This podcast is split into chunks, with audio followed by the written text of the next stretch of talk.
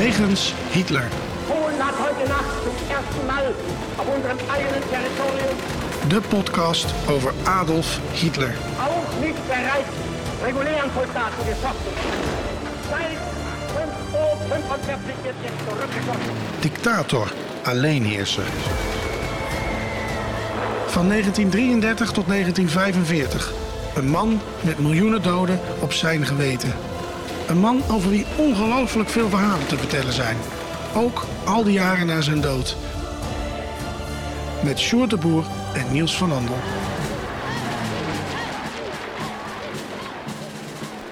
Een nieuwe week, een nieuwe Wegens Hitler. Ja, en een bijzondere aflevering, Sjoerd, want we hebben vandaag een gast. Ja, we hebben een gast en niet zomaar iemand. Ja, niet zomaar iemand. Eh, wie zit hier eh, naast mij? Ja, ja, ik ben eh, David. Ik eh, ben hier voor... We doen hem even opnieuw. Wacht even. Oh. Even opnieuw. Oké, sorry. Waar- waarom ben je hier ook? Ja, nee, ik ben, ik ben hier. eh, ik ga de. Nee, we, doen, we beginnen even opnieuw. We beginnen even opnieuw, want Oké. anders dan word ik helemaal gek met knippen, joh. Ja, jij bent hier voor de, hoe heet hij ook alweer? Eh, voor de Wegens Hitler, Hitler, Wegens Hitler wedstrijd. Zo, kan Ja, je ja, ja, we moesten hem allitereren, hè? Even kijken hoor. Eh, dat gaat goed. Ja. Een nieuwe week, een nieuwe Wegens Hitler. En Sjoerd, wij gaan een bijzondere uitzending tegemoet, want wij hebben een gast bij ons vandaag, hè? Ja, en niet zomaar één. Niet Dit is, zomaar dit is één. mijn grote neef. eh, die ja, zit grote neef. Ja, ja, wie- wie zit er hier naast mij? Ja, eh, ik ben? David. Ik kom voor de, eh, voor de Wegens Hitler winnaars, eh, wedstrijd winnaarshexagon. Zo, nou, Ja, dat is ja, met een ja, term. Ja, ja, ja. Eh, Ja. Heb je Ja. die zelf bedacht of heeft ome Sjoerd die bedacht? We hebben het eh, samen bedacht. Nou, alle eer is aan jou, eh, David. Want Ja, hij kwam wij- met de hexagon. Ja, nee, jij. Ik was degene met de hexagon. Ja, dat klopt, ja. Ja, Dat is ja nee, wij, wij, wil- ik, ik zei van ja, het moet eigenlijk een beetje allitereren. En toen knalde hij deze er zo even uit. En eh, nou ja, we Ja, hebben in, een in leuk idee. Duitsland klonk alles ook altijd heel groots, hè? Ja. En eh, wat is precies het idee ehm, ehm, ehm, van die hexagon, winnaarshexagon? Nou ja, eh, we willen eigenlijk een soort... soort eh, eh, ja, jij, jij hebt een heel mooi apparaat thuis staan, hè? Ja, ik heb een eh, 3D-printer. Die kan dingen in, in 3D printen. Ja, en hij heeft er hele leuke dingen gemaakt, al het, het, het logo. Het logo, ja, zeker. En toen, en toen bedachten we van, hé, we kunnen wel een, een prijsvraag maken. maar- En dan, en dan moeten we een soort bokaaltje hebben. En, en toen kwam hij met de hexagoon. Ja, dat is toch de haar, weet je wel? Die daar, eh, Ja, dat is wel leuk. Wij wilden nog een. Je, je had iets voor in de kerstboom, geloof ik. Hè? Dat kon je. Of nee, nee, je hebt een logo gehad voor je verjaardag. Zo zat het. En toen kwam ik weer eh, commercieel als ik ben met een eh, kerstbal voor in de boom. Hè?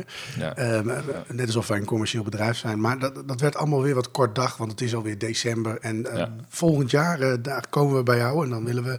eh, want op de socials is daar best positief op gereageerd. Ja, maar tussen, tussen, tussendoor kunnen wij eh, het voor, voor, voor als een mooie symbolische prijs.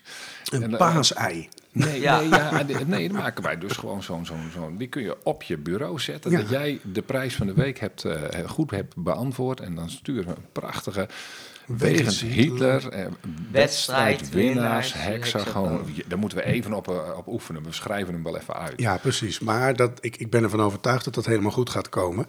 Eh, nou, hartstikke leuk. Dat betekent dus, Sjoerd, dat we nog meer te doen hebben. Nu moeten we ook naar een prijsvraag van de week. Ja, Eh, misschien leuk om dat de komende weken dus te doen. eh, vanaf de volgende keer. Dus eh, ik zal dus wat prijsvragen gaan verzinnen. en dan kunnen mensen hun antwoord naar ons toesturen. Ja, ja. Ehm, hartstikke leuk. Ik noemde de kerstbal trouwens al even. Dat gaan we dus maar even niet meer doen dit seizoen. Want nou, het is zo alweer december. Voordat die dingen dan eh, weg zijn, is het twee dagen voor kerst. Zo, zo gaat dat gewoon. Ja. Maar als je ons wil steunen, er zijn nog enkele mokken beschikbaar. Het zijn er niet veel meer, dus wees er snel bij. En dan kun je in de kerst gezellig uit je Hitlermok eh, drinken. eh, in het kader van de kerstgedachte. Nou, hartstikke leuk. We gaan dus ook prijsvragen doen. Ehm, ehm, ehm, nu je hier toch zit, hè, op school heb jij geschiedenis, hè? Eh, ja, ja. Tenminste, dat neem ik aan. Eh, heb je het al een beetje over Hitler gehad? Want wij hebben het er Eh, al nee, twee jaar nog, eh, nee, nog niet. Niet. En je Oké. zit in welke klas? Ik zit in de derde van. VWO. Derde van VWO, ja. Ja. En dat betekent dat je nog een half jaar hebt, zal ik maar zeggen. Hè? Het schooljaar is altijd Ja. in december al En voorbij. je hebt nog het in, wel het, over in het eerste hoofdstuk. Nog steeds in het eerste hoofdstuk. Ja, Waar gaat dat over? Eerste Wereldoorlog. Welke school zit je? Waar zit je? is. Het weet ja. Maar Hitler zat ook in, was ook aanwezig in de Eerste Wereldoorlog. Hè? Maar dus je hebt zeg maar, in jaar één heb je het de hele tijd gehad over die, die, die rare mannen die in die, in, die, in die grotten leefden. En dan daarna wat een beetje verlichting en zo. Dan vonden ze het, la- de Ja, lampje- lampjes dat uit en was zo. eh, de basisschool was er nog. eh. Nee, als het goed is heb je het toch ook in het begin over de oertijd.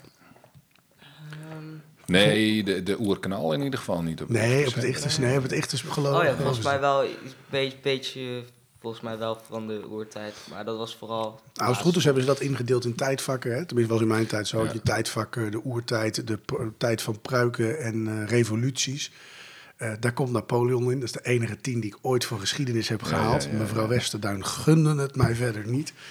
Ehm, Maar wat wel interessant is, jij gaat eh, een, een technisch profiel doen. Hè? Eh, ja. En dan kan je geschiedenis doen, maar dat ga je waarschijnlijk, dat ga je, tenminste dat zei je, dat je dat waarschijnlijk niet ging ga doen. ik denk ik eh, niet doen.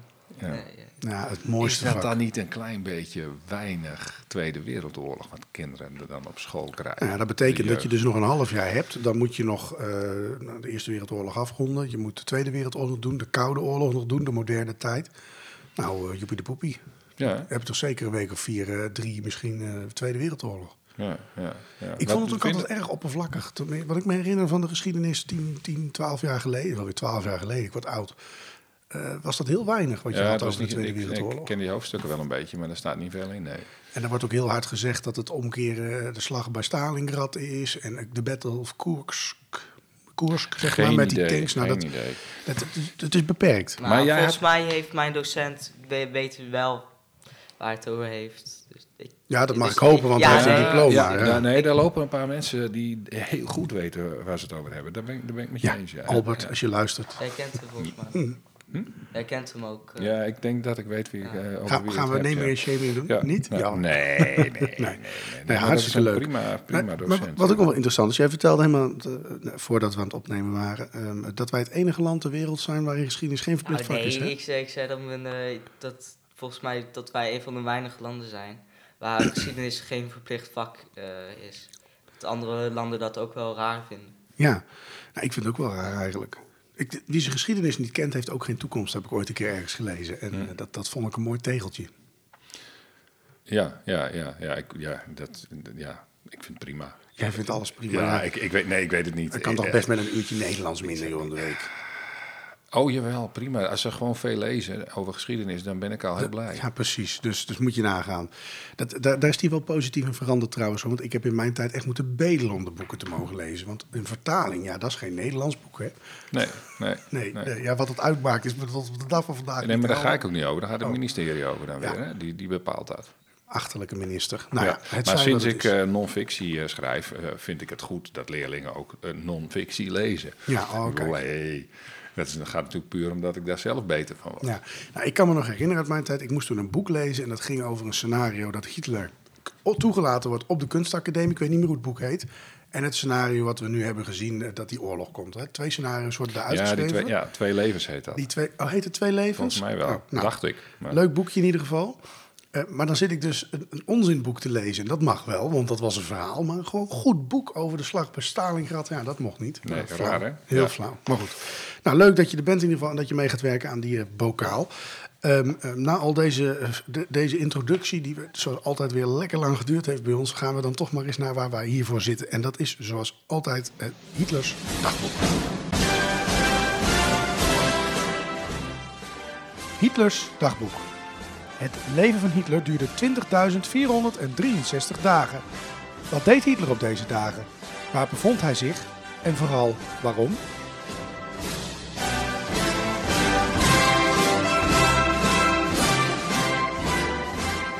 Ja, het is eh, als deze uitzending online komt, eh, het heerlijke avondje staat aan de voordeur, want het is 4 december 2023 en wij gaan terug naar ehm, 4 december 1918. Ja, Hitler die is terug uit de eh, Eerste Wereldoorlog. Die is terug in München. Hij heeft in een ziekenhuis in Pasewalk gezeten. En dat is helemaal in het noorden van Duitsland. En nou ja, hij komt terug en leeft dan nog in de kazernes. Ehm, en dan is het wel de bedoeling dat die soldaten op een gegeven moment gaan afzwaaien. Er zitten heel veel soldaten nog. En uh, dan komt er op een gegeven moment een vraag van de regimentsleiding. En die vraag, en dat is interessant, die werd gesteld op 4 december 1918. Uh, die vraagt naar vrijwilligers die in het kamp Traunstein, dat ligt zeg maar tussen Salzburg en München in, uh, of, of, of daar mensen willen helpen. Nou, en daar reageert Hitler op precies op die datum. Nou, uh, dat vond ik een leuk feitje, want daar, daar, kun, nou ja, daar kun je nog wel meer over vertellen. Gaan we nu niet doen, want ik hou het gewoon even bij die, bij die datum. Uh, en de dagen daarna, twee dagen later, gaat hij naar Traunstein en dan komt hij in de bewaking terecht van de Frans-Russische soldaten die daar als krijgsgevangenen uh, vastzitten. En dan blijft hij daar zeg maar tot januari 1919. En ja, hij is, is eigenlijk met één ding bezig en die beslist hij op deze datum waarop de aflevering uitkomt, dat is uh, dat hij eigenlijk zijn dienstplicht verlengt. En dat hij uh, niet terug hoeft naar, naar München om schilderijtjes te verkopen. Of uh, ja, hij heeft ook geen opleiding. Hij, hij kan eigenlijk niet zoveel. Dus hij zit liever zo lang mogelijk in, in dienst. En nou ja, die beslissing kon hij maken op basis van dat verzoek van de regimentsleiding. Nou, heel interessant verhaal. Er komen honderden vragen bij me op, maar we gaan het helaas niet hierover hebben. Dus die moet ik dan maar sparen voor een later moment. Um, we gaan door, want we hebben behoorlijk wat, als ik zo kijk naar de stapel papier voor mijn neus, naar het belangrijkste onderdeel van deze podcast. En dat is zoals altijd de plek. De plek. Bijzondere plekken of verhalen die te maken hebben met Hitler. Ja, we gaan voor de verandering een keer onze beloftes nakomen. En um, um, wij gaan uh, verder waar we de vorige keer dus gebleven zijn. Dat is uniek, want meestal duurt het dan weer een week of twee tot wij bedenken van... oh ja, dat moesten we nog doen. Maar we gaan gewoon een keer verder, namelijk bij de propaganda tijdens het Derde Rijk. Um, daar vinden we eigenlijk door dat hele rijk prachtige voorbeelden van. Hè, van uh, ontaarde kunst in München en de reizende tentoonstelling die erop volgde tot, tot, tot films in bioscopen. Hè. Um, en niet te vergeten, heel belangrijk natuurlijk, de partijdagen. En, en misschien wel het grootste propaganda-evenement uit de tijd van het Derde Rijk. De Olympische Spelen in Berlijn in 1936. Um, ja, bijna alles uh, wat de nazi's aanpakten leidde in ieder geval tot propaganda, als je je daarin gaat uh, verdiepen. En daarvan zijn nog steeds plekken terug te vinden. Nou, laten we dan maar eens beginnen met, het, denk ik, het meest bekende, de, de Rijkspartijdagen. Uh, dat waren belangrijke evenementen in de nazi-propaganda. Hè? Uh, die indrukwekkend moesten zijn. Het moest mm -hmm. de grootsheid laten zien van het Derde Rijk, van Hitler als een superieure leider. Um, uh, al dat soort zaken. Um, um, en, en diende dus eigenlijk, hè, zo kun je ook wel zeggen, als de demonstratie van de macht van Hitler en het Rijk. En ook de eenheid van het Derde Rijk. Um, um, die, die, die, dagen die vonden een paar keer plaats in Weimar. Maar de bekendste en meest grandioze partijdagen die vonden plaats in Nuremberg. Um, daar is ook een film van, ik weet niet of dat, of dat straks nog komt, uh, van, van Leni Riefenstahl, als ik het goed zeg. Um, Triumph des Willens, die staat gewoon op YouTube, kun je kijken. Ik zou er niet een bak popcorn bij pakken, want het is volgens mij ergens saai, maar wel prachtig, om, ja, prachtig in de zin van interessant uh, mm -hmm. om te zien. Ja, ja. Um, nou, um, in Nuremberg, daar had Albert Speer uh, van alles laten bouwen. Um, een stadion, een tribune, een brede weg, die de plek uh, waar die tribune uh, was, zeg maar, en de marcheerplek moest verbinden met de stad. En er vonden daar dus ook toespraken plaats in een grote con congreshal, ik moet het even goed zeggen. Uh, de meest bekende waren trouwens uh, de, de lichtshow uh, bij, rond die Zeppelin-tribune. Dat ding staat er nog. Je moet er eigenlijk een keer naartoe, vind ik. Um, en daar kwamen enorme mensenmassa's op af. Ik denk dat de politieke partijen nu jaloers zouden zijn als ze dat voor elkaar kregen. Maar dat, ja, dat, met die 30 man in een, in een kantoortje achter een kroeg of zo, dat, dat, dat halen ze nog wel. Maar nou ja, goed, bij andere partij, tijd, hè? Partijdagen, con congressen, dat is, ja, dat, dat, is, dat is niet meer te vergelijken, laat ik nee, het zo zeggen in nee. ieder geval. Uh, hij deed er in ieder geval heel veel met licht. Er stonden die grote zoeklichten, um, om maar even zo te noemen. En dat, nou, dat was heel indrukwekkend. Um, dat hele terrein is trouwens um, een, een propaganda-element op zichzelf. en eigenlijk, Sjoerd, nou is mijn vraag. Kun jij iets vertellen over welke soort van propaganda je daar tegenkwam... als je daar nou als gewone Duitser eens gezellig naartoe ging? Ja, nou ben ik geen gewone Duitser natuurlijk. Niet maar een beetje Duits? uitzonderlijke Duitser. Ja, oh nee, nee, onzin. Nee, weet je, je, je, maakt, nou, je bent dan natuurlijk gewoon deel van die massabijeenkomsten als, als gewone Duitser. En eh, die, die partijdagen waren inderdaad een enorm grootschalige ele- elementen waar tienduizenden nazi-aanhangers eh, samenkwamen, kwamen, zeg maar. Die, je- kon niet anders concluderen dan dat eh, er, er een massale steun was voor het regime als je daar rondliep. En die werd natuurlijk ook eh, versterkt, eh, eh, die, die steun, door dat gevoel van massaliteit. En dat, nee, dat geeft een enorm gevoel van eh, nationale eenheid. En dat kwam ook over over die mensen. Die, dan sta je daar als individu tussen. En dan gaan die, al die armpjes omhoog. En, dan, en, en, of je moet wachten op de, op, op, de. En die, ja, dat, dat, dat, dat, dat komt wel over. Dus dat, ja, ik denk dat je dat daar heel snel in meegaat. Of je ziet wat van die troepen marcheren. Het is indrukwekkend in ieder geval. Nou ja, eh, die toespraken van Hitler en van de anderen, die waren daar een vast onderdeel van. Nou hij hield namelijk eh, opvallende toespraken tijdens deze bijeenkomsten. Eh, in het begin ook binnen, maar buiten in het donker. En samen met zo'n lichtshow met zijn schijnwerpers, dan raak je als toeschouwer natuurlijk hartstikke onder de in- indruk. Hè? Nou, het ging om de kracht van Duitsland en de grote leider. En ook voor, voor de, wie er niet bij was, werd er, werd er van alles gefilmd, inderdaad. Door Leni Riefenstahl eh, en, eh, oude radioopnames vonden plaats. Nou, die, die partijdagen dagen vonden eh, imposante militaire parades plaats, waarbij uiteraard de nieuwe kracht en discipline van het Duitse leger, leger werd eh, getoond. En dit versterkte dan weer het beeld van, de- van Duitsland als militaire grootmacht. Nou, daarna zaten die dagen vol met symboliek en rituelen van de nazi's. Ze gebruiken fakkel, fakkels en vlaggen en tribune met een imposante eh zuilengalerij natuurlijk. Deed weer denken aan de Romeinen en zo. En dan heb je die nazi-groet. Eh, nou, die, die, die, die, die, die, ja, die is natuurlijk indrukwekkend als iedereen het deed, maar dat zei ik ze net ook al. Eh, strakke parades om indruk te maken, maar ook om traditie en continuïteit uit te stralen. Eh, daar hebben we ook vooral, weet je, traditie, dat zijn natuurlijk die zuilengalerijen. Dat het, dat het niet zomaar een rijk is, maar dat het ook gebaseerd is op het verleden. Ehm, ja, de Duitsers lieten de nazi's zien waren een volk met een lange geschiedenis. En onder de nazi's zou die geschiedenis nog wel duizend jaar doorgaan. Dat was eigenlijk het verhaal. En dan had je dus nog die films. eh, dus Zoals inderdaad Triumph des Willens van, van Leni Riefenstahl.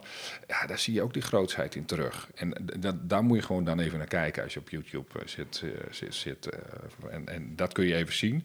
En het leukste is als je die, die, die, die, die, die schijnwerpertoestanden even bekijkt. En als je daar dan staat, dan, dan, ja, je- dan zie je nu tegenwoordig gewoon een, een lege tribune. En die is een beetje in verval geraakt. Een deel is er ook af. Maar het is nog wel imposant. Als je je voorstelt dat dat veld vol met mensen staat. Tenminste, dat had het bij mij. Maar goed, eh, eh, we zijn er, jij bent er ook een keer geweest. Ja, ja, zeker. Ja, ja. Ja, met, toen- ja, toen jij niet meeging naar eh, München. Nee, precies. Ja. ja, dat is een tussenstapje. eh. Ja, nou ja, over, je kunt ook nog eh, naar de McDonald's daar. Oh. In, een, een, eh, in een gebouw dat erbij hoorde. Dat, dan zit je daar in zo'n zo'n oud. ja, dat is een, waarschijnlijk heeft het iets met elektriciteit te maken of zo. Dat, dat is een, zo'n bijgebouw. En daar zit nu een McDonald's in. Dus dan, eh, in de tribune van, eh, van eh, Albert Speer kun je dan een lekkere Big Mac eten. Ehm, die, die, die de partijdagen dienen dus als gewoon echt he- hele krachtige propagandamiddelen en, om de ideologie van de nazi's te verspreiden. En natuurlijk ook dat leiderschap van Hitler, hè, dat, dat, dat, dat wilden ze. Nou ja, Ja. Dat, dat verhaal. Ja, helder. Ehm, als ik dit allemaal zo hoor, dan, dan moet dat geweldige land, hè, dat, dat, dat, ja, dat, dat moet een heel indrukwekkende kunst gehad hebben. Hè. Eh, dat, dat moet daar gewoon een rol gespeeld hebben. Want cultuur, dan denk je ook meteen wel een beetje, cultuur niet zozeer, maar wel een kunst bij Hitler. Hè. Hij was notabene Ja, kunstenaar ja, in zijn ja. ogen. Hè. Ehm, dat moet dus ook een rol gespeeld hebben in die propagandamachine, zou ik zo zeggen, van het Derde Rijk. Ehm, kun je eens wat vertellen over wat voor kunst nou gewaardeerd werd door, de, door, door het nazi-regime? En eh, heb je daar misschien ook wat voorbeelden van, Stuart? Ja, ja de, nazi's hadden echt wel eh, oog voor de, voor de kracht van kunst en zo. Hè? Ook, ook om die ideologische boodschap een beetje eh, te verspreiden. En eh, vooral om, om door een zelfbedachte eh, eh, ideeën te bevorderen. Ja, nee, je hebt die propagandafilms, hebben we het over gehad. Leni Riefenstahl, die heeft er ook een gemaakt over de Olympische Spelen. Maar er werd ook een film gemaakt over de stad Kolberg. En dat is door een andere regisseur. En er was bijvoorbeeld niet zomaar een verhaal over het verleden van een stad. Maar het ging om een Duitse stad die in het verleden verdedigd werd. Dus niet in de Tweede Wereldoorlog, maar daarvoor. En um, ja, daaruit kon je parallellen trekken naar het nu. Uh, want aan het eind van de oorlog lag Kolberg, een beetje aan de, aan de grens in het oosten, lag behoorlijk onder vuur en moest verdedigd worden. Dus die film was niet zomaar een geschiedenisfilm, dat was een film die sloeg op de huidige situatie. Dus gewoon pure propaganda. Nou, uh, dan had je schilderkunst, die kon ook als propaganda werken. Ja, men noemt bijvoorbeeld typische natiekunst op schilderijen wel heroïsch realisme. Dat is dus gewoon een, uh, realistisch en heel heldhaftig. Dus als daar een soldaat op staat met een flinke torso, dat is dan wel, uh, dat is dan wel een echte Duitser. En dat zie je niet alleen in posters terug, maar deze idealen van het Arische ras waren ook op schilderijen, werden die vastgelegd. Het ging om uh, schilderkunst, bij die schilderkunst niet alleen om die Arische helden, maar ook bijvoorbeeld over landelijke tafereeltjes. Dat je een, het Duitse boerenleven werd verheerlijkt of zo. Of die boeren daar nou behoefte aan hadden of niet, of die er daar wat aan hadden, of die er nou wat aan verdienden of niet. Dat soort beelden waren ook uh, interessant. En dan speelde ook nog van die, van die echte patriotische beelden een rol in de schilderkunst. Nou, uh, bekende kunstenaars, architecten, uh, die, werden, waren die echt werden gewaardeerd. Dat waren bijvoorbeeld de beeldhouwer Arno Breker. Uh, architect Paul Ludwig Troost, die, die overleed op een gegeven moment, maar dat was wel de favoriet van, van Hitler. En daarna werd Albert Speer werd dat. Um, en uh, nou ja, goed, Albert Speer, als je die noemt, dan moet je meteen ook aan, aan, aan die enorme bouwplannen van Hitler denken. Die waren er natuurlijk ook. Dat zijn ook meer kunstachtige dingen en, en waanideeën dan dat het nou echt uh, praktische, praktische bouwwerken waren. En uh, nou ja, goed, je moet, je moet maar eens kijken. Google die namen maar eens even. En voor de ondersteunende plaatjes. Hè. Uh, kijk dan ook even naar de schilder Adolf Ziegler. Uh, want dan heb je een beetje een beeld van die, van die nazi-kunst en nazi-schilders. Nou, dan heb je ook, en dat is dichterbij, dat is wel leuk om naar te gaan kijken. Je hebt echt de oude Duitse kunst. Die werd ook flink gewaardeerd. Bijvoorbeeld die van Lucas Kranig de Oude. En daarvan hangt weer werk in het Kruller-Muller. Nou, uh, dat werk komt ook voor op uh, ons uh, kunstfilmpje dat binnenkort op WO2-TV op YouTube is te vinden. En er wordt ook uitgelegd um, wat, wat, wat dat met Geuring te maken heeft. Wat die schilderijen met Geuring te maken hebben en wat voor speciale deal hij daar sloot. Nou, Vermeer, Rembrandt, vonden ze prachtig. Uh, Hitler had in ieder geval een, een, een, aantal Rembrandts en Geuring had die ook. Nou, uh, dan heb je nog één ding, dat moet je bij kunst wel noemen, de verboden kunst. Ja. Nou, dat uh, was ontaarde, moderne kunst, avant-garde. En dat leidde tot een tentoonstelling in München in 1937. En er kwam alle foute kunst kwam daar, alle moderne kunst kwam daar. En daar hing daar een bordje naast met allemaal cynisch commentaar, hoe waardeloos het was wat je daar zag. Nou, uh, kortom, de nazileiding uh, die had de waarden en idealen van het regime, pompten ze die kunst in en uh, ze selecteren speciaal kunst in, in musea om, nou ja, die, die paste zeg maar bij die waarden. Ja. Um, nu we het allemaal zo hebben over dat, dat propaganda en zo, dan, dan wordt het eigenlijk ook wel eens een keer tijd om het over de elephant in the room te hebben. Dat is Jozef Goebbels. Hey. Um, ja, die, die, moet natuurlijk even besproken worden. De, voor wie dat niet weet, de Duitse minister van propaganda. Um, die trok uh, van alles naar zich toe. Uh, en die liep daarbij ook anderen in de weg. Bijvoorbeeld de buitenlandse minister sorry, de minister van Buitenlandse Zaken, zo moet ik het zeggen, van Ribbentrop. Um, um, en, en, dat deed hij dan bijvoorbeeld tijdens de invasie van de, de landen in het Westen, hè, dus vanaf 10 mei 1940. Um, uh, omdat hij het nieuws van de inval bekend maakte voordat Van Ribbentrop uh, zijn berichtgeving eigenlijk op orde had. wat was nou eigenlijk, naast het frustreren van andere ministers dan, hè, het kernpunt van Goebbels propaganda in zijn ministerie? Ja, nou ja, goed.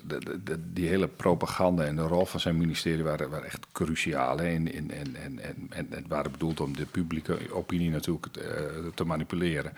En uh, het ging eigenlijk ten eerste om totale controle.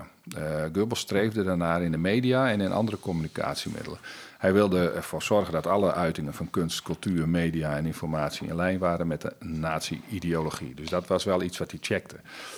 Een tweede principe was de manipulatie van emoties. En dat is wel een interessant gegeven. Mhm. Want hij begreep dat, het- dat emoties belangrijk waren in propaganda. Je, je hoeft het niet alleen bij de feiten te houden, maar eh, propaganda was veel effectiever als je die emoties ook aansprak. Dus hoe doe je dat? Nou, dan gebruik je vooral beelden bij. Eh, en retoriek. En ja, de inzet van fotografie en film in propagandamateriaal, die, die, wordt ook heel belangrijk, want met beelden pak je mensen in. En dat is eigenlijk nog steeds zo. Ehm, eh, het ministerie, eh, het- het- het- je hoeft alleen maar te kijken naar wat we de hele dag aan het doen zijn op onze telefoon. We kijken voortdurend naar beelden en dat, dat vinden we interessanter en dat spreekt makkelijker aan dan teksten. Eh, en die, die winnen ook. Dat is ook wat we de hele dag doen als mens natuurlijk. Dus dat is best wel een goede keuze. En dat is toen al begonnen, ook in Amerika hoor. Maar Goebbels was wel een voorloper. Nou, dat ministerie streeft ook naar eenheid van de boodschap. Dus het moest een eenduidige boodschap eh, zijn die je geeft. En die moest ook consistent worden verspreid via verschillende media. Nou, dat bracht een soort van samenhang. Dus als je steeds hetzelfde zegt op verschillende plekken, dan, nou, dan past dat bij elkaar. En nou ja, dat is dan een beetje een, alomvattend nazi-wereldbeeld.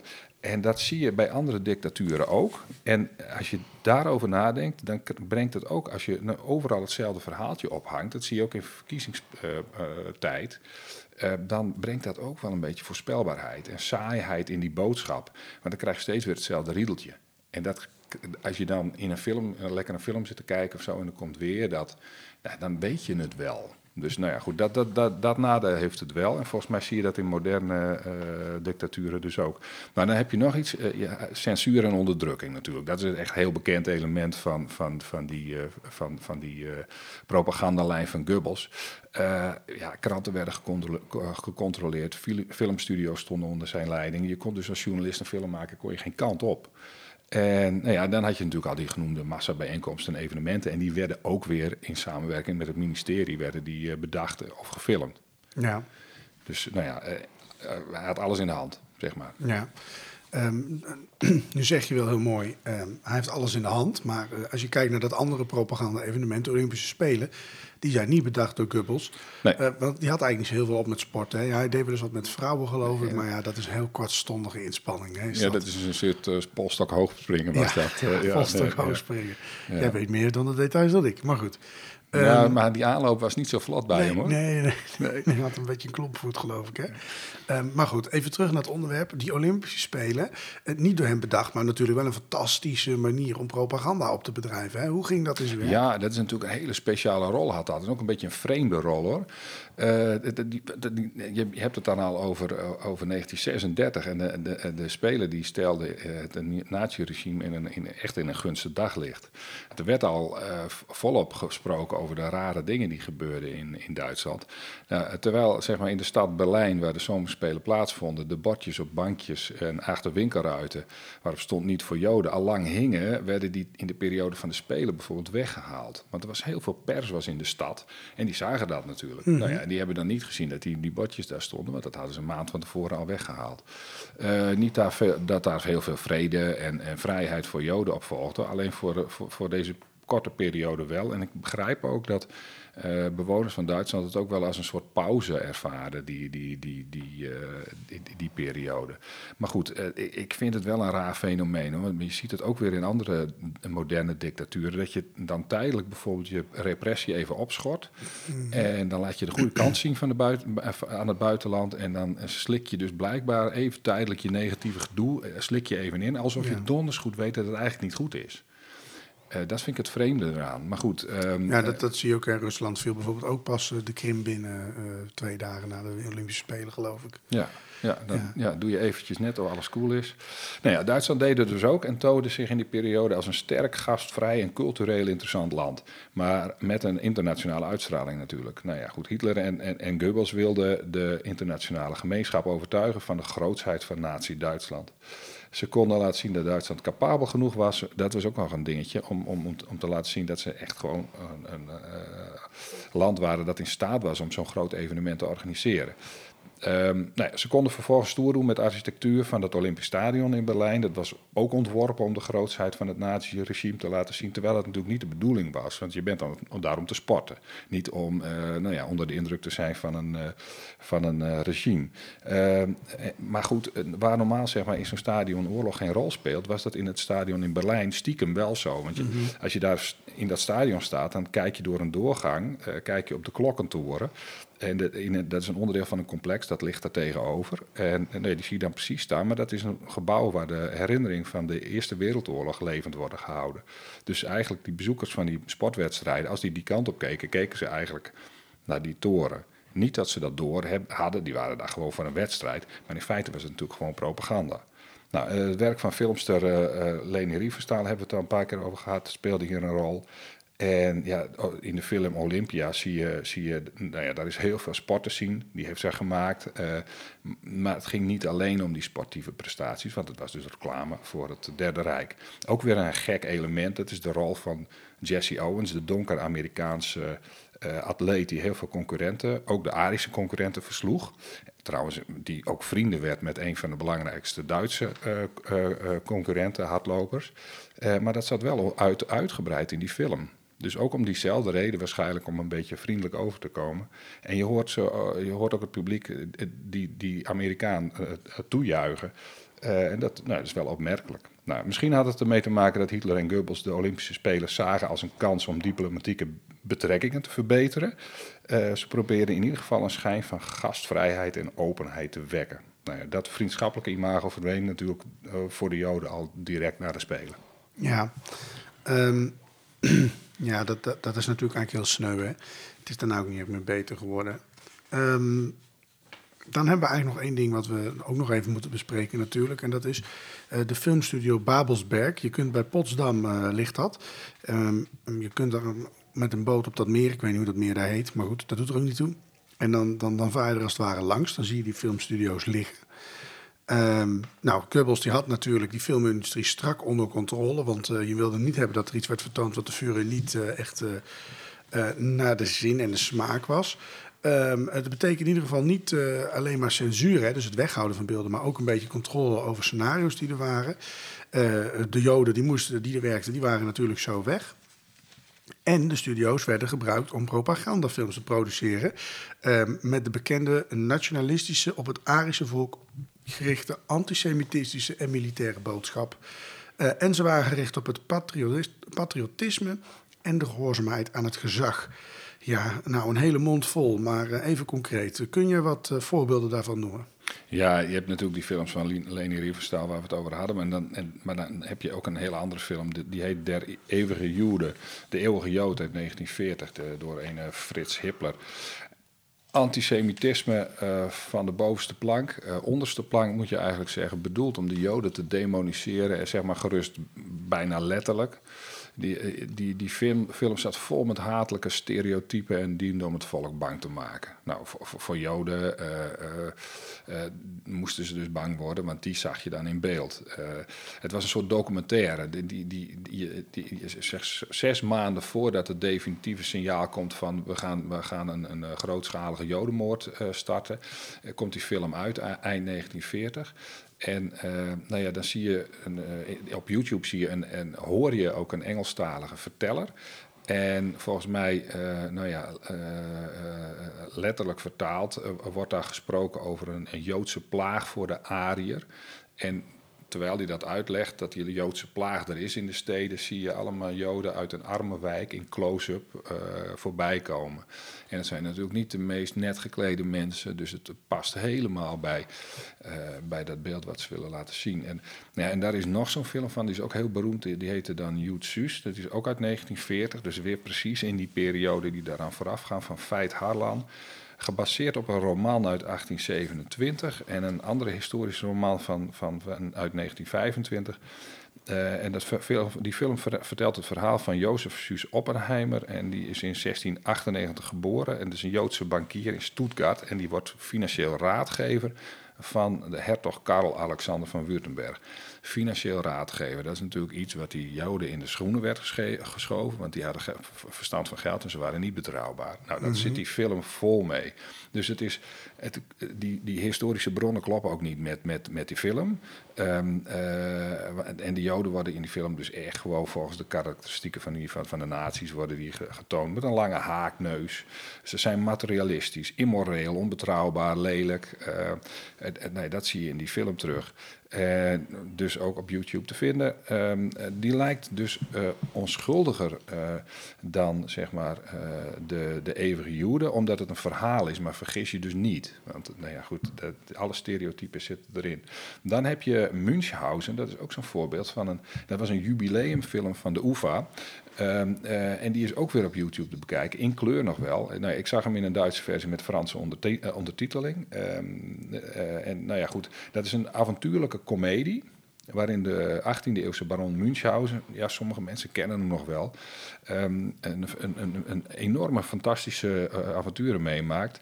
Hij is begiftigd met de eeuwige jeugd en dan belandt hij via Rusland, Turkije, Venetië uiteindelijk met een ballon op de maan. Nou, eh, wat heeft dat met de nazi's te maken, zou je denken. Eh, dus, eh, de- Nou, de- ik ken wel een film dat ze op de maan zitten. oh. oh ja, ja, de Ja, nazi's is on the moon, ja, aan ja. de achterkant. Hè? Ja, maar dat Ja. is niet tijdens de nazi-tijd eh, is die, Oké, is die, die Zij gemaakt, wisten toch? natuurlijk ook hoe de maan eruit zag, zag, omdat zij natuurlijk de UFO's hadden. Ja. Ja, dat ja, is... ze hadden eh, het deal gemaakt met aliens in Antarctica. Oh, Ja. we, krijgen, we hebben hier een complot, de complotterrorist hebben we aan Ja. tafel. Ja, goed zo. Ja, ja. goed zo. Ja. Ja. Er was volgens mij ook echt een, eh, een, iets van een zoektocht gedaan door eh, Amerika om echt te kijken of daar echt aliens waren op Antarctica of zo.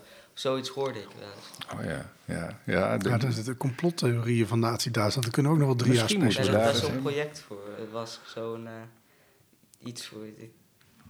Nou, dan, moet je, da- dan gaan we daar eens even naar op zoek. Want dat, is wel, eh, dat, dat zijn mooie dingen. Om daar even- jongens. Het is allemaal Marvel wat hier loskomt. Ja, ja, ja, ja, ja, ja. Even kijken wat daar allemaal in zit. Is wel leuk. Die moderne media hebben we al eens een keer een uitzending over gedaan. Ja. Hè? Dat is wel Ja, zo, maar we kunnen nog eens een keer wat over eh, complotten doen. Ja, ja nou Nodigen we eh, Thierry Baudet uit. Nog even over die, die, die film van die, van die, van die eh, Münchhausen. Oh, dat ja, is een sorry. soort Thierry Baudet misschien. eh, die, die, die ook, eh, maar die propaganda is, is, is veel subtieler dan die andere film. En die film is ook veel lichter. Er zit gewoon zo'n kereltje, die, zit, nou ja, weet je, die, die, die doet allemaal avontuurlijke dingen. Maar het gaat wel om heldendaden van een Duitser. En je hoeft eigenlijk ook maar naar het jaar te kijken waarin die film uitkomt... om te ontdekken waar die film eigenlijk, waarom die gemaakt werd. En hij kwam als geroepen, want het was 1943. Dus de oorlog is in volle gang. Het gaat beroerd. De soldaten in Rusland krijgen op hun sodomieten.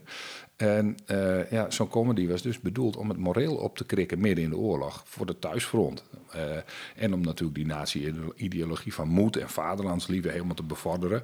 Want je ziet een oude Duitse held. Ja. Nou ja, maar je moet ook een beetje lachen, want het gaat niet goed. Nee, nou, daar staan de Duitsers bekend om en goede humor. Ehm, nou wil ik, eh, ja, Ehm, nou wil ik eh, daar best nog eens wat meer over horen zo, hè. Ehm, van een normale film, maar dat toch wel een beetje in dienst is van Nazi-Duitsland.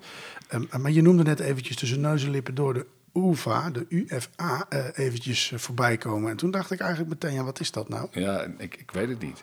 Oh, nou. Nee, ik, hoofdstuk. nee, ik weet het wel, sorry.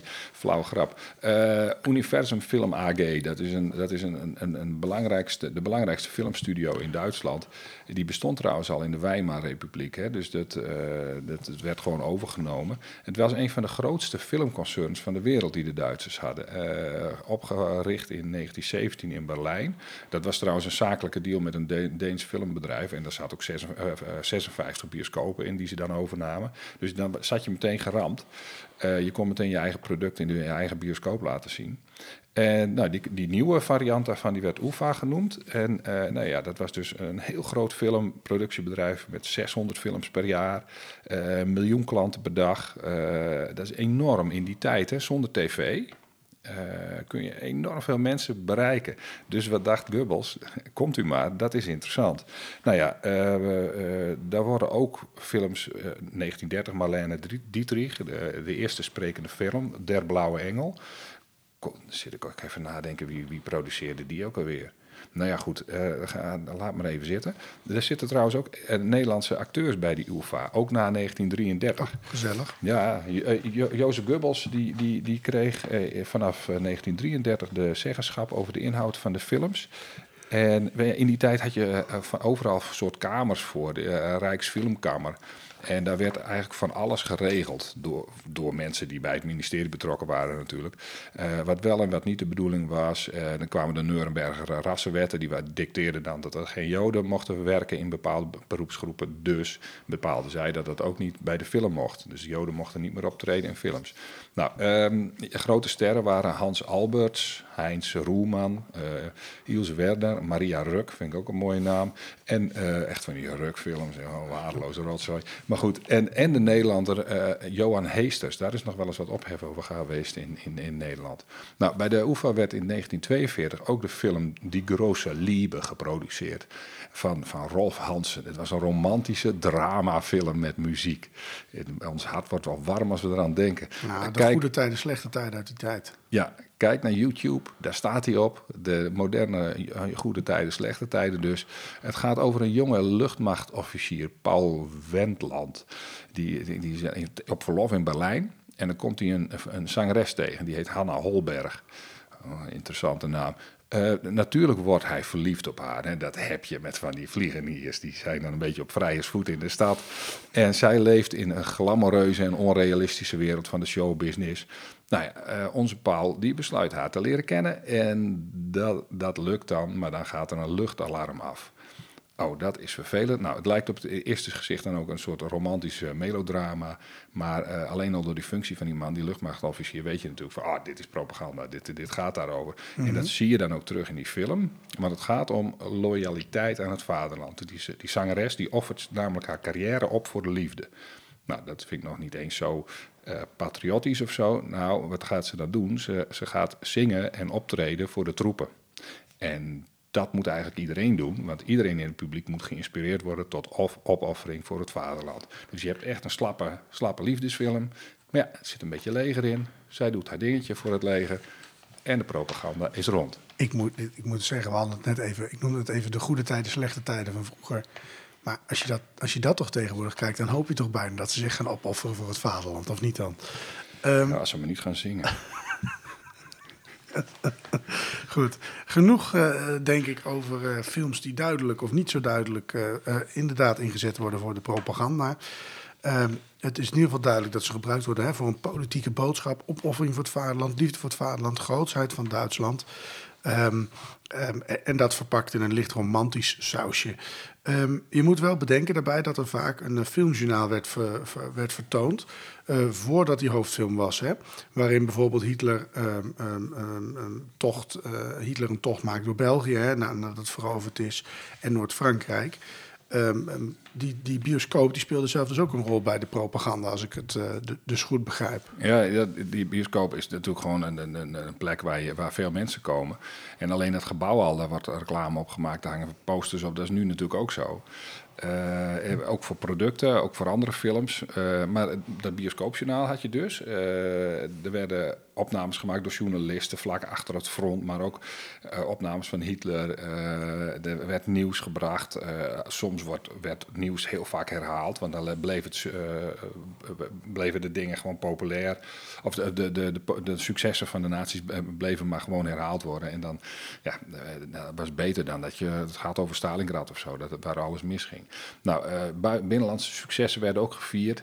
Eh, er hingen allerlei posters, eh ander pro- promotie, promotiemateriaal was te zien. Maar ook dit materiaal ondersteunde dus die nazi-ideologie. Eh, bioscopen werden soms ook gebruikt voor publieke elementen, zoals vieringen of om te luisteren naar toespraken van nazi-functionarissen. Nou, het bedrijfsleven in Nederland gaat ook wel eens in een bioscoop zitten. Dus meestal hebben die hele, hele andere gesprekken. Ehm, eh, mag ik hopen, je weet het natuurlijk niet. Maar, eh, maar het gaat erom dat bioscopen net als kranten niet zomaar konden beslissen over wat ze, wat ze, wat ze brachten. Ook niet als, als reclame. Dus daarover ging het ministerie van Goebbels. En er waren zelfs verplichte propagandafilms. Uh, ik weet niet helemaal of het zo ging, maar ik stel me nou voor dat ik dan naar een bioscoop ga als Duitser en ik kan kiezen uit een propagandafilm geproduceerd door het ministerie, van Propaganda of een mooi romantisch drama. En als ik dan zeg maar in een, in een gevoelige bui ben en, en ik kies voor dat, die laatste op, optie, dan kom je dan toch weer terecht in een film door, met door Jozef Goebbels uitgeprobeerde en goedgekeurde acteurs en actrices. En dan krijg je alsnog een, precies een beeld te zien van wat hij waarvoor je had bedacht, zeg maar. Ja. Dus ja, dus wat kun je kiezen? Niks. Nee, nee, ja, dat is, dat is... Ik zit nou voor me te denken dat je dan straks dus in het... Um, in het, uh, ja, de, bij de Cinemac, of dat heet niet meer zo, eh, de Pathé uh, zit ja, in Ede of in Nijmegen... en dat dan het NOS-journaal daarvoor vertoond wordt. Dat, dat zou ik wel grappig vinden. Met alleen het nieuws van één partij of zo. Laten we zeggen van uh, de dieren, Partij van de Dieren. Ja, dus dat je geen vlees meer mag eten... en dat je dan hamburgers in de vuilnisbak gegooid ziet worden. En dan kippen los. Hm? Of, of de FVD. Ja, ja voor een sterk vaderland. Die hebben daar ook trouwens de Partij van de Dieren. Dan moet je met een dier, moet je zo'n beetje zeggen. Dat doet zij ook altijd. Dat vind ik zo lekker. Of, of van de BBB, dat je dan dus biefstuk reclame krijgt. Nou, ik zie van alles voor me. Oeh, ik krijg... Uh, ja. Oh nee, ik ben natuurlijk... Uh, ik eet geen vlees. Nee. Ik was helemaal niet enthousiast. Hij woont in Veenendaal, mensen. U kunt hem daar opzoeken. Goed. Um, Doe dit niet. We hebben het nu over de bioscoop gehad, hè? Maar uh, iets waar we het nog niet over gehad hebben, en, en dat had iedereen zo goed als thuis, dat was een radio. Mm um, dat was wel een stuk zakelijker wellicht, uh, maar werd ook compleet gecontroleerd door, de, door het, um, uh, het naziregime. Hoe zag dat radiolandschap er dan uit? Ja, die, die, natuurlijk, dat is wel echt een, een, punt van. Dat is, dat, zeg maar, die, die, die radio was het krachtigste propagandamiddel tijdens dat radio, tijdens dat naziregime. Uh, echt, echt massa bereikt. Nog meer dan, dan de bioscoop of, of, of de film. En, en, en, was in staat om heel snel en direct grote aantallen mensen te beïnvloeden. Dus ja, uh, ze hadden niet zoveel zenders als nu. Dus je, je stemde ook meteen af op de juiste zender. Want dan was er een uh, radio-uitzending nou weet ik wel, ik zeg maar wat, om zeven uur. En niet de hele avond, dan ging iedereen om zeven uur zitten luisteren. Nou, de nazi's hadden ten eerste een strikte controle over die radio-uitzendingen. En het kon wel over andere dingen gaan, maar er werd zeker veel propaganda. Uh, uh, pro, er werden heel veel propagandaprogramma's gemaakt. En er werden bijvoorbeeld toespraken van Hitler uitgevonden, uitgezonden, ook live trouwens. Dat was een hele, hele, hele actie. Er is ook wel eens een, een, een, soort aanslagje op, op de kabels gepleegd tijdens zo'n, omdat mensen dan niet van Hitler hielden en dan knipten ze de kabel door. Uh, dus een enkel, enkel gevalletje ken ik daarvan. Nou, muziekstukken die werden afgespeeld, die we hadden natuurlijk, die waren van bepaalde mensen die goedgekeurd waren en die ook een beetje de nationale trots verheerlijkten. nieuwsberichten werden ook zeg maar afgestemd op de nazi-propagandalijn. Dus dat, moest, dat, dat werd wel afgesproken. Nou, de essentie is die, de Duitse woord volksempfänger. Dat is gewoon nou, een, een, radio voor het volk. Um, dat was een hele goedkope radioontvanger die op de markt werd gebracht om radio's toegankelijk te maken voor een breed publiek. En dus een, een fantastisch idee om je, je, je volk te bespelen. En je mocht niet naar Engelse zenders luisteren. Dat gebeurde natuurlijk wel. Maar je, je, had wel een radio in huis. Nou, het is, uh, hoe schitterend was dat zeg maar, voor de nazileiders toen, toen, toen de militaire successen nog groot waren. Hè? Dan kon je dat uitventen op de radio. Uh, thuis kon je daar naar luisteren. Soldaten konden er ook naar luisteren. En ja, die hoorden dan bijvoorbeeld ook de aanmoedigingen van het thuisfront. Zoals je dat bijvoorbeeld in een van onze kerstspecials hebt kunnen horen. Ja. Ja, dat, dat, dat, is trouwens nog steeds te luisteren. Hè? Dat is al een tijdje geleden. Um, nou, ik, ik, denk dat we een heel compleet beeld hebben nu een beetje van hoe die propaganda werd ingezet. We hebben het over de krant gehad, we hebben het nu over de radio gehad, over de bioscopen, de film. Uh, nou, dan, dan beheers je toch wel, uh, ja, in ieder geval de propagandawereld. Uh, en daarmee komen we, ja, ik hoor het gehuil op de achtergrond, helaas aan het einde dus van um, het tweede deel over onze propaganda-afleveringen in, in het Derde Rijk. Uh, omdat het uh, Rijk uh, van de gewenste duizend jaar toch ruim tien jaar heeft kunnen functioneren, valt er eigenlijk nog wel veel meer te vertellen over dit onderwerp. En, en, daar komt het goede nieuws. Er is ongetwijfeld nog meer.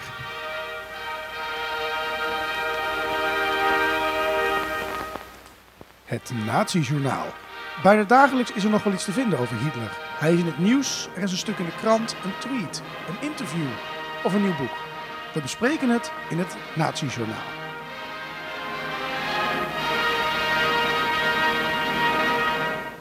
Ja, het Nazi-journaal.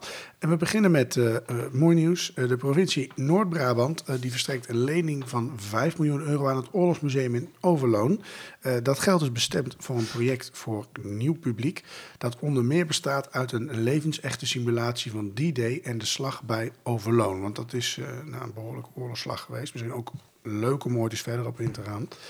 Ehm, het eerste deel van het projectplan moet klaar zijn in oktober 2024, dus dat is al over een jaar. eh, wanneer Brabant viert 80 jaar eh, bevrijd te zijn. Eh, het museum wil de komende 15 jaar doorgroeien naar zo'n 200.000 bezoekers per jaar. En Overloon wil van een traditioneel museum een meer gethematiseerd museum worden. Dus meer multimedia en minder vitrines. En ook de ruimte om het museum heen wordt aantrekkelijker ingericht. En aangezien wij vlakbij Vra- Bra- Brabant opnemen, het is echt eh, 10 minuten rijden, en wij ook graag groeien naar 200.000 luisteraars, eh, maar dan per week, eh, zouden wij tevreden zijn met 2 miljoen euro, maar liever als een gift. Maar goed. Ja, dat lijkt mij een Ja, heel goed ja, idee, Niels. dat vind ik, daar ben ik voor. Ja, ja. Nee, nee maar, maar even zonder dolle. Het plan van Overloon klinkt als een mooi plan. En met het geld kan het museum de komende jaren al twee van in totaal vijf paviljoens realiseren. De eerste is gewijd aan D-Day en de tweede over de slag dus bij Overloon. En hiervoor worden levensechte decors gebouwd, zodat bezoekers straks zelf als het ware over Omaha Beach en over het slagveld van Overloon kunnen lopen. Ik ben al wel eens in dat museum geweest. Ik weet niet of jij ben je er al geweest Nee, in het museum nee, in Overloon. nee. Eh, daar staat, ik, ik vind het zelf eigenlijk helemaal niet eens zo verkeerd. Maar goed, eh, Nee, ik snap nee. ook dat je moet veranderen. Eh, dat is echt een enorm... ehm, ehm, je hebt gewoon een tentoonstelling. Maar die vind ik ook wel interessant. Want dan praat dus echt iemand die ook in de Weermacht heeft gevochten in een video. En dan krijg je echt de keuze. Moet je op voetstapjes gaan staan? Wat zou jij doen? Hè? Zou jij Oh, dienen ja, in het ja, Duitse ja, leger? of zou je... eh, eh, nou, dat niet doen. Nou, dan kun je allemaal keuzes maken.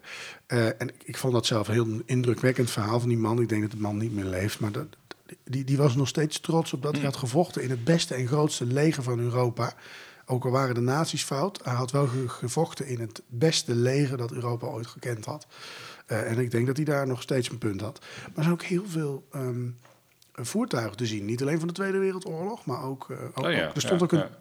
Tiger-tank toevallig toen ik daar was. Dat was echt wel interessant. Dus het is al eigenlijk sowieso al een eh, visueel spektakeltje.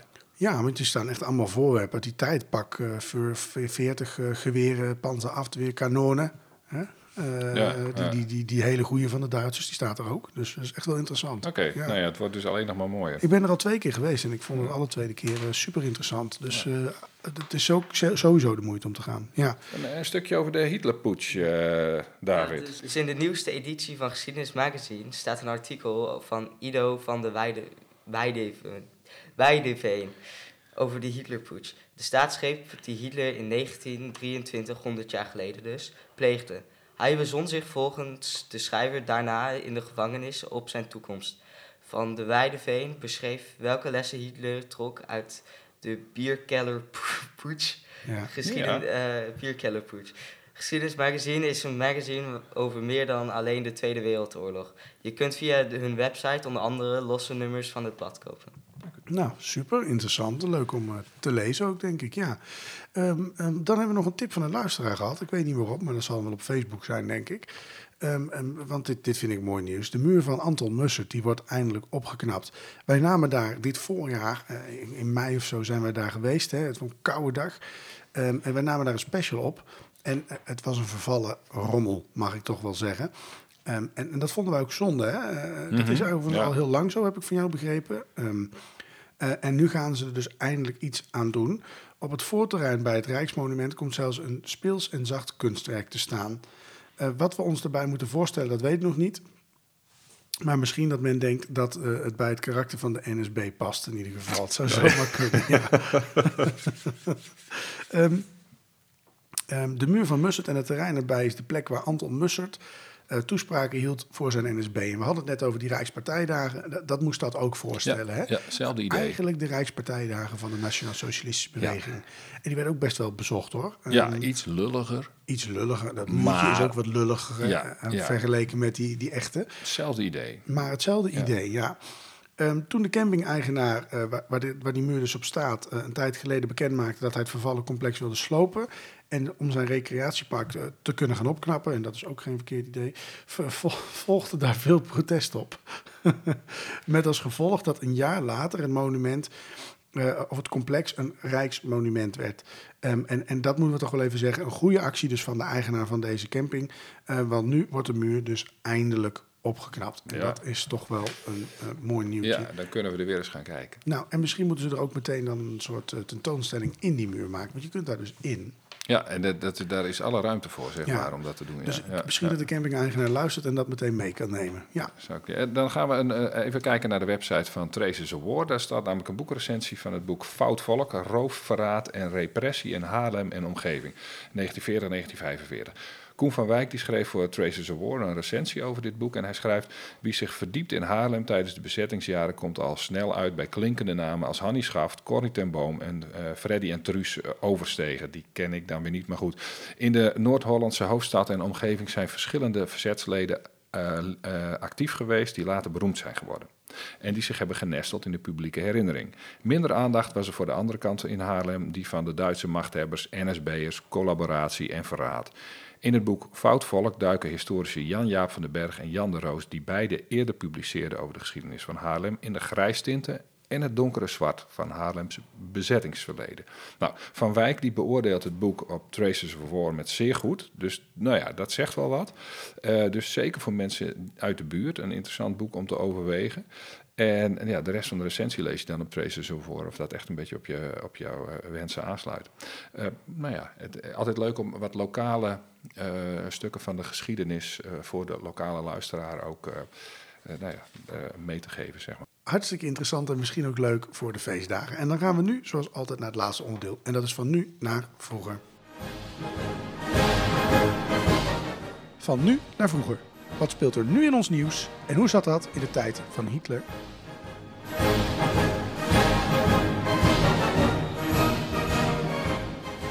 Ja, we hebben het net gehad over propaganda. En ik vroeg me af, hè, propaganda. Jij zit op het Ichtus, wordt daar nog een beetje aan propaganda gedaan? Eh, ik, ik weet niet hoe, hoe je het bedoelt.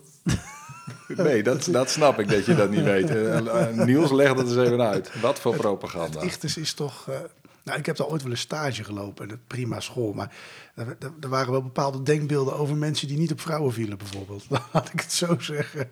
Oh, dat wil je nu even aan een leerling... eh, denk- ik vroeg me even af of er nog een beetje propaganda Geef geen antwoord, Nee. David. Geef geen antwoord, want je, je, Dit is een je komt echt in... Nou, ik, ik, ik denk, ze worden volgens mij niet per se lastig gevallen, maar het is... het- volgens mij wordt er niet heel veel aandacht aan gegeven. Oh, Oké, dus het is wel veranderd. Een positieve dan op die school. Ja, dat denk ik. Nee, ja, goed, nee. Dat is maar een beetje ouwe hoeren, joh, grapje.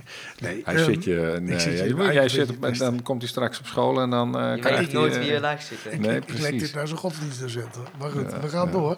Ehm, ehm, ehm, Nou, ze hebben natuurlijk allerlei propaganda, zoals elke school dat doet. Hè. En om alle leerlingen, we zitten gewoon te vechten om de leerling. eh. ja. Oh, het, het was ook wel grappig. Er was pas eh, voor een eh, nieuwszender was, Mhm. wat, ehm, eh, was wat opgenomen. mhm.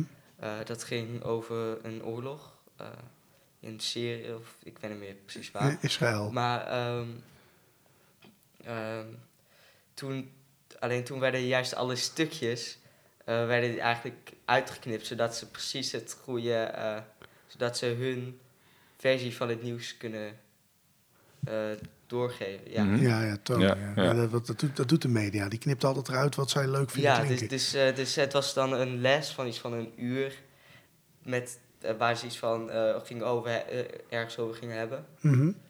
Eh, En dan knippen ze daar precies de stukjes Ja. uit. Die, ja, en dan ja, ja. gingen de leerlingen en dan gingen de leerlingen wat zeggen en dan werd ze na vijf seconden werd ze er al meteen uitgeknipt. Dat vind ik een goede zaak. Ja, dat vind ik een Ja, goede zaak. Ja, leerlingen moeten niet te veel praten. Het zag, Nee. het zag in ieder geval heel bizar uit. eh. ja. Ja. Ja. Ja. dat is wel hoe het werkt. hè. Ja, Ja, maar goed, eh, precies, ja, ja. nou, hartstikke interessant, leuk. Nee, dat is een grapje hoor. Het echt is dat ze luisteren. Het is maar een grapje. Rustig maar. Vrijheid van godsdienst.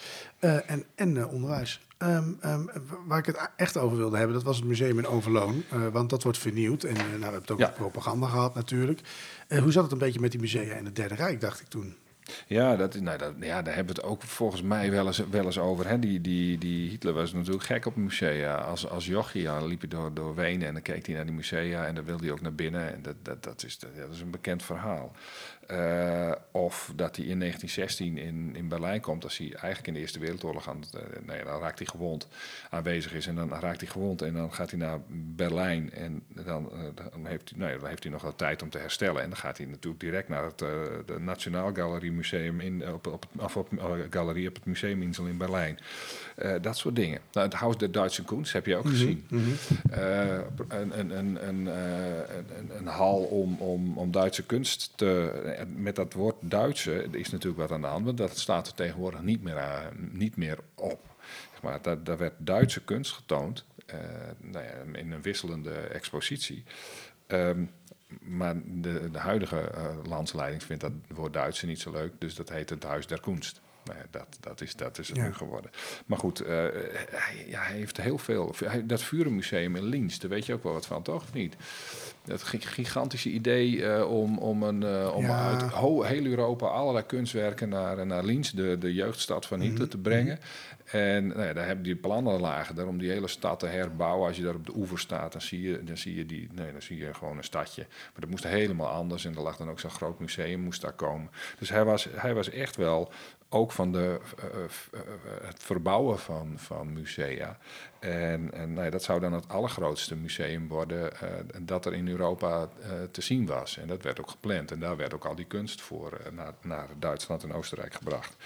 Um, nou ja, en dan heb je natuurlijk het Museum Insel in, Berlin, in, in Berlijn, waar je nou allerlei gedoe had over welke kunst je wel en welke kunst je niet ophing. En dan ging moderne kunst ging naar een kelder in een, in een kasteel of een pa paleis dat aan, aan Onte de Linden stond. Waarbij ook gewoon uh, spul werd verbrand in de oven daar. Um, nou, daar moet je niet over nadenken, want dat, daar ging daar voor een fortuin ging daar, uh, de, de, de verbrandingsoven in. Daar had ik er wel één of twee willen hebben, dan kon ik een villa kopen, weet je wel. Maar goed, um, uh, ja, en de, de kunstverzameling van, van, van Geuring en Hitler was natuurlijk ook ja, gigantisch. Uh, met, met, met Rembrandts erin hebben we het al over gehad. Dus ja, musea spelen wel een centrale ja. rol in, in, in, in, in, ja, het is ook een beetje spelerij en spielerij van, van, die, van die naties. Want ze deden allemaal Hitler na. En ze hadden, de ene had nog een mooiere kunstcollectie dan de andere. Ja, Dus en misschien is dat ook wel mooi metaforisch. Hè? De prachtige kunst die ze verzamelden. Om daarmee hun gruweldaden te verhullen.